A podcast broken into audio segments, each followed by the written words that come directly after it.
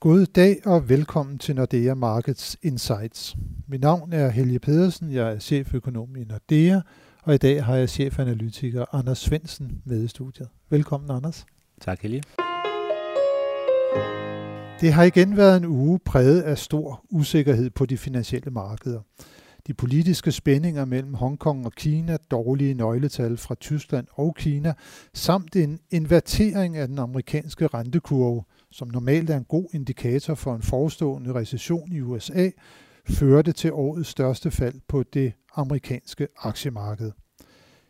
Dagen efter, det vil sige torsdag, rettede kurserne sig dog igen, da der kom tal for det amerikanske detaljsalg i juli, som voksede stærkere end ventet, og dermed udtrykte, at der fortsat er god gang i den amerikanske økonomi. Men Anders, hvor alvorligt skal vi egentlig tage denne her frygt på markederne fra øh, den inverterede rentekurve om, at øh, der snart kommer en recession i amerikansk økonomi? Jeg tror, vi skal tage den meget alvorligt. Øh, rentekurven er den bedste indikator, vi har for, øh, for recessioner historisk. Kigger man tilbage på de syv seneste recessioner i USA tilbage til, til 60'erne, så er de alle sammen øh, blevet kan man sige, forudsagt af en inverteret rentekurve. Og kun én gang tilbage i 60'erne var rentekurven inverteret, uden at det efterfølgende betød en, øh, en recession. Så det er et, øh, en rigtig god indikator, og derfor øh, gør markederne også klogt i at, at, at kigge på den. Og så kan man selvfølgelig altid diskutere, om verden i dag er anderledes, om der er alle mulige grunde til, at øh, den måske ikke er en lige så god indikator, som, som den plejer at være. Men det er den, der har den klart bedste historiske track record, hvis man kan sige det på den måde, og derfor så, øh, så holder markederne rigtig meget øje med det. Mm. Og det er lige netop der, hvor jeg godt lige vil have diskussion med dig, fordi når jeg kigger på rentekurven, så er jeg jo fuldstændig enig med dig i, at den historisk har været en øh, rigtig, rigtig god indikator for øh, recession eller ikke recession i amerikansk økonomi. Men den her gang mener jeg jo bare, at der er noget, der er helt anderledes ved det, at vi har haft en helt anden pengepolitik over de senere år, altså hvor den amerikanske forbundsbank har haft et kæmpe opkøbsprogram af obligationer, også i den lange ende af kurven, som er med til at holde de lange renter nede, og dermed på en eller anden måde gøre rentekurven kunstigt fladere, så der skal mindre til, om man så kan sige, for at den inverterer, både når centralbanken sætter renten op, men også hvis der kommer sådan en vurdering i markederne af, at inflationen ikke bliver så høj, som den ellers ville være, osv. Hvordan, øh, hvordan ser du på det?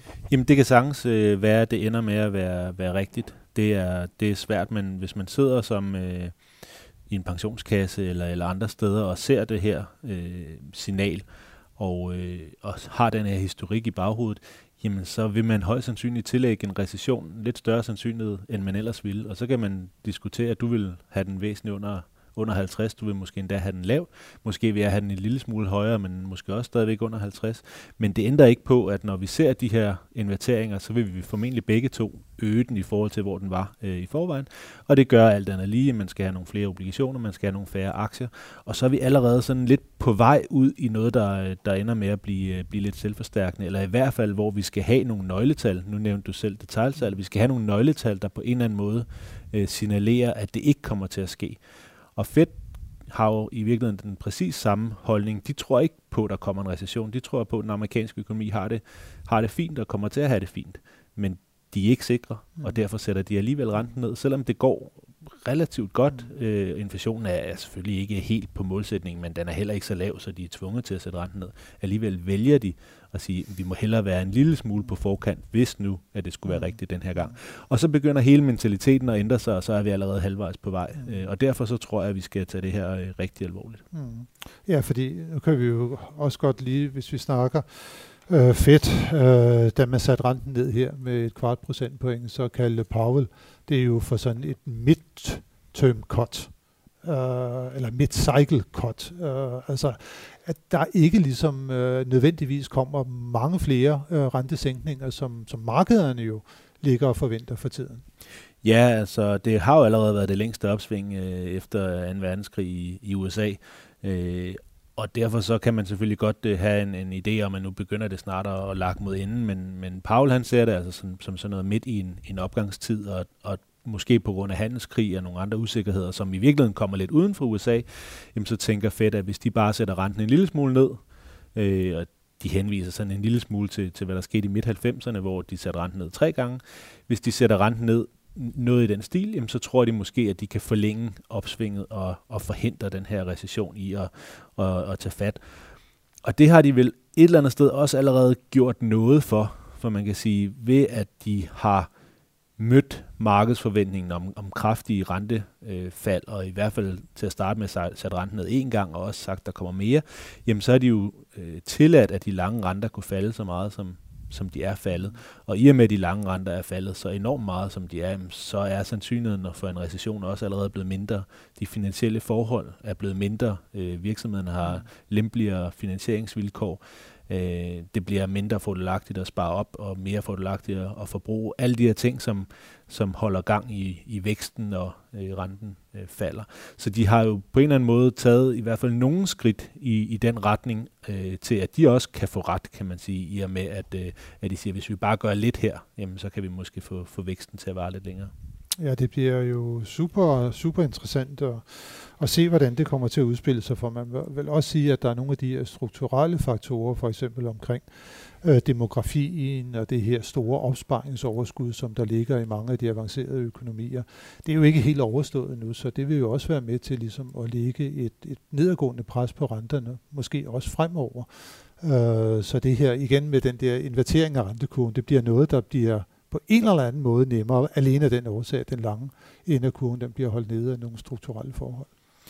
Ja, øh, og man kan måske sige, at, øh, at hvis man sådan øh, i, i lidt grove træk siger, at den, den lange ende af rentekurven, altså de lange renter, de bliver på en måde bestemt lidt af, af, af økonomien og noget vækst og forventninger osv. Til, til økonomien, jamen så er den korte ende af rentekurven, den er jo så bestemt af centralbankerne.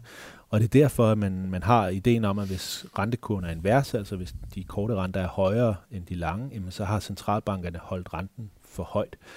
Og det er vel også en af de... Øh, øh, en af de diskussioner, som, øh, som Fed og, og ECB også har med sig selv. Fordi hvis du har ret i, at det er sådan mere permanent, at de lange renter skal være så meget lavere, jamen, så skal centralbankrenterne måske også være markant lavere, og så kom Fed måske til at sætte renten en lille smule for højt op sidste år, og var måske i virkeligheden dermed også med til at, at sætte en lille smule gang i det her. Så har Trump selvfølgelig øh, hjulpet godt til med sin handelskrigsretorik øh, gennem vejen. Mm.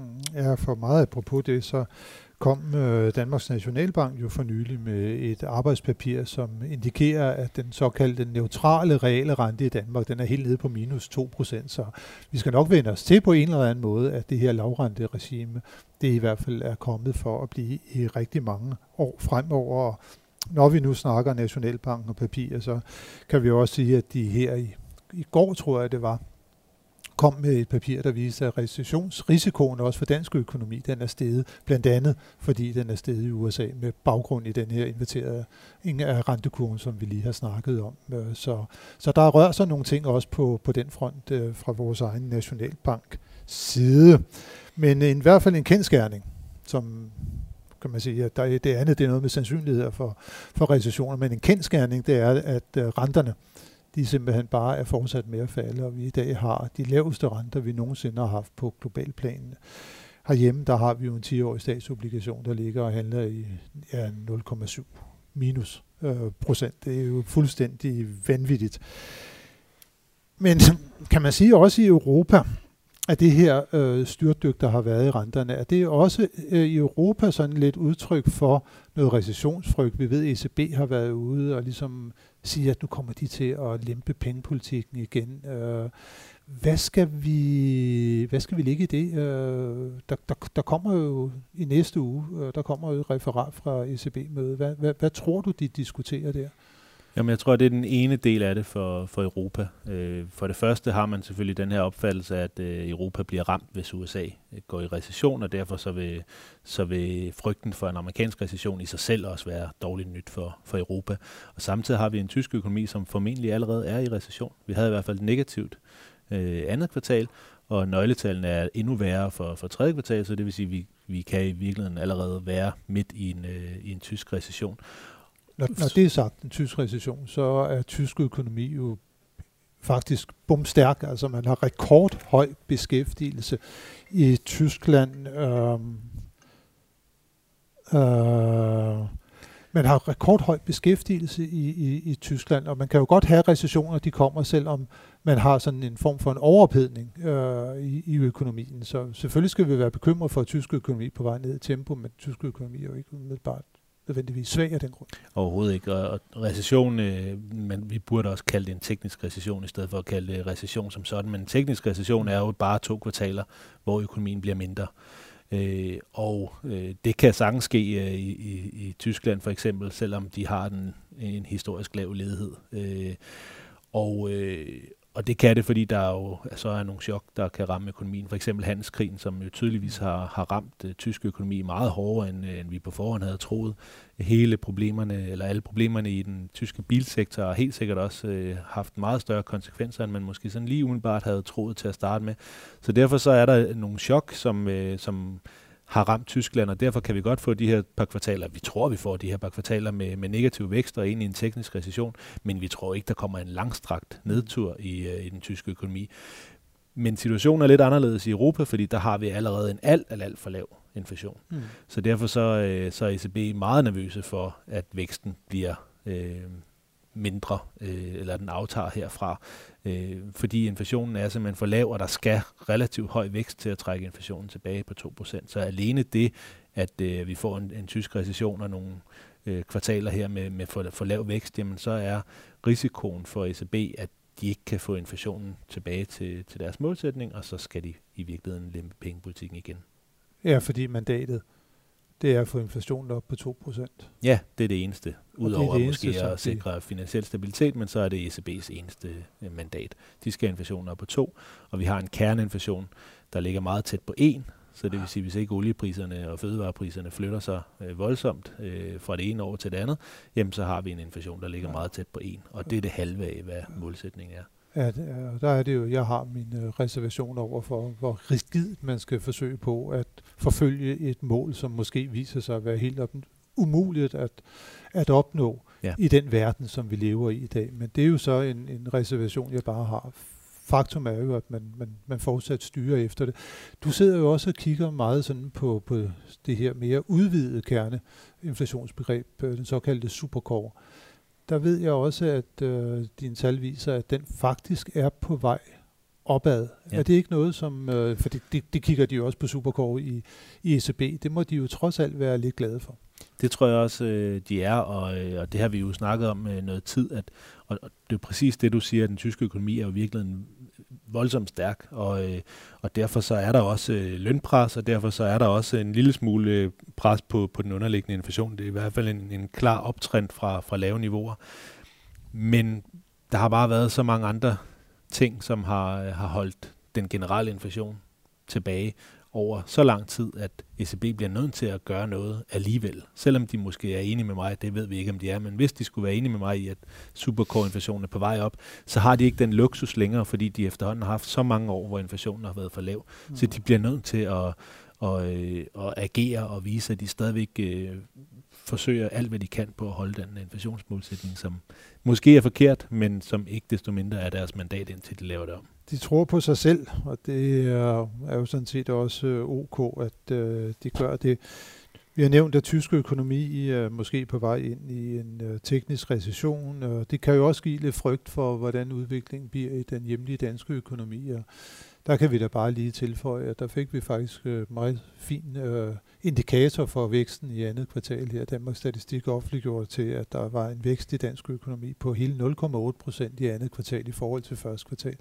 Så indtil videre, så ser det altså ud til, at øh, den her afmatning i Tyskland, den går nogenlunde uden omkring øh, dansk økonomi, og det kan vi jo sidde og, og, og glæde os over her, og også at vi har en industri, som er nogenlunde modstandsdygtig over for udvikling af industriproduktion. Den brager faktisk op i Danmark, øh, og det, det er jo rigtig fint, øh, blandt andet fordi, at vi producerer en masse sådan grøn teknologi, øh, maskiner inden for vindmølleindustrien, og vi har øh, den medicinske og farmaceutiske øh, produktion, og også en landbrugsproduktion, der holder, der holder sig pænt oppe. Så, så det, der, det der er i hvert fald noget, som vi kan glæde os over i denne her tid, hvor der bliver snakket så meget om recessionsfrygten.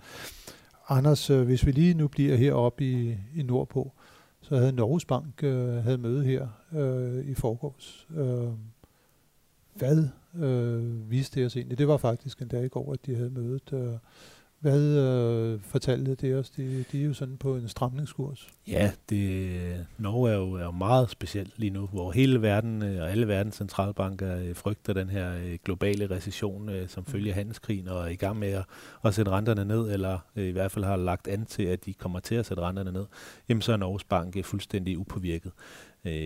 De indikerede i hvert fald, at, at de var nogenlunde eller deres holdning var nogenlunde uændret siden deres møde i, i juni, hvor de jo sagde, at de ville sætte renten op i september. Så det, det bliver opfattet som om, at der kommer en renteforholdelse igen i, i september, og det kan man jo på en måde godt undre sig en lille smule over, at de ikke at de ikke venter og ser lidt, ligesom vi snakker med, med Fed, at, at alt den frygt, der er derude, at man ikke siger, okay, men så lad os lige vente og se, om det også kommer til at ramme os. Mm. Men på den anden side, så er de norske nøgletal stadigvæk de er stadigvæk stærke. Inflationen, kerneinflationen er over målsætningen. Så øh, man kan sige, at deres mandat tilsiger jo, at de skal stramme pengepolitikken. Lige præcis. Altså, hvorfor skulle de opføre sig anderledes end de gør nede i Frankfurt? Nej. Det eneste er jo selvfølgelig, at hvis der så kommer en, en mere langstrakt recession, for eksempel i Tyskland, hvis det begynder at smitte af på, på, øh, på Norden. Hvis det på et tidspunkt får olieprisen til at, at falde markant, jamen så øh, risikerer Norges Bank jo så også at sætte renterne ned. Hvor hvis man siger, okay, lad os lad os tage den en lille smule mere med ro. Vi kan godt se, at uh, inflationstallene er, er høje, men vi kan også godt se, at verden omkring os ser ud som om, at uh, den er en lille smule i, mm. i stormvær. Så, uh, så måske bare sige, at vi regner med at sætte renten op inden for et halvt år, mm. eller noget andet. Mm. Men, men det har man altså ikke gjort. Men de har noget fleksibilitet. De har noget fleksibilitet. I modsætning til måske nogle af de øh, centralbanker, som vi har siddet og snakket om, i hvert fald ECB. Det, det er jo lidt svært at se, hvad man kan gøre på nuværende tidspunkt, selvom man påstår, at man kan gøre mere for at få inflationen op, øh, når man starter på, på en rente på minus 0,4 procent. Men øh, Anders, hvis vi lige kigger frem med her til sidst på næste uge, kommer nogle interessante tal. Der kommer de her flash PMI'er for euroområdet. De er jo helt afgørende, ja. kan man sige, for vurderingen af, hvordan det kommer til at gå øh, i de kommende øh, øh måneder. Hvad skal vi vente os af det? Jamen, vi skal jo for alt i verden øh, forhindre på en eller anden måde, at øh, de falder yderligere. Øh, vi er ikke så frygtelig langt fra, fra 50, som sådan er et, et magisk punkt øh, for, øh, for, for PMI'erne. Det er der, hvor der er flere virksomheder, der siger, at de har tænkt sig at reducere øh, deres produktion end, end, end øge produktionen. Vi er ved at være noget 50 i Tyskland på det samlede, altså så det vil sige både fremstilling og servicesektoren, hvor ellers er det jo primært fremstillingssektoren, som har, har haft de store problemer, men servicesektoren er også begyndt at løje en lille smule af, at hvis vi rammer de der øh, tæt på, Øh, Øh, de 50, så begynder det altså at se, øh, se noget værre ud. Så begynder det at tyde på, at det også sådan breder sig til resten af den tyske økonomi. Og så bliver det måske alligevel en lille smule mere langstrakt, end, end det, som man ellers kan tro. Så først og fremmest så vil jeg holde øje med Tyskland, og jeg vil holde øje med det her magiske 50, men for den samlede økonomi, og ikke kun fremstillingssektoren, som vi godt ved allerede har problemer. Så det er i hvert fald øh, det, det, det vigtigste nøgletal, der kommer i næste uge. Og så er der jo også det her såkaldt Jackson Hole-symposium øh, over i USA, øh, hvor at Jerome Powell, han i hvert fald kommer, det er hvad vi ved nu, og fortæller os et eller andet. Hvad tror du, han kommer til at sige? Det er Feds årlige øh, analysemøde, øh, så som regel har de fået, øh, fået alle mulige prominente mennesker til at lave nogle, nogle store analyser omkring et tema, og, og temaet er lige præcis det, som, som du fremhævede før. Altså, øh, skal man fuldføre sit øh, mandat øh, benhårdt øh, på, på de her 2%, eller burde man i virkeligheden have et andet mandat i en verden, hvor inflationen måske er en lille smule svær at få til at være på, på 2%, hvor de ting, man skal gøre i hvert fald for at, at bringe den i nærheden, måske ender med at have, have alt for store øh, konsekvenser. Så det er, jeg tror, det bliver en, en større diskussion af, hvordan skal, skal fremtidens pengepolitik øh, designes. Og det er måske lidt mere langsigtet, så for markederne, så, så vil man selvfølgelig holde øje med, om, øh, om enten Paul eller Draghi, hvis han kommer, det ved vi ikke, men, men der plejer at være nogen fra ECB, der plejer at være nogen fra alle de store centralbanker. Øh, om de benytter lejligheden til at justere lidt i de markedsforventninger, der ligger. Øh, nu nævnte du før, der ligger forventninger i markedet om fem rendenedsættelser, næsten 4,5 rendenedsættelse fra Fed.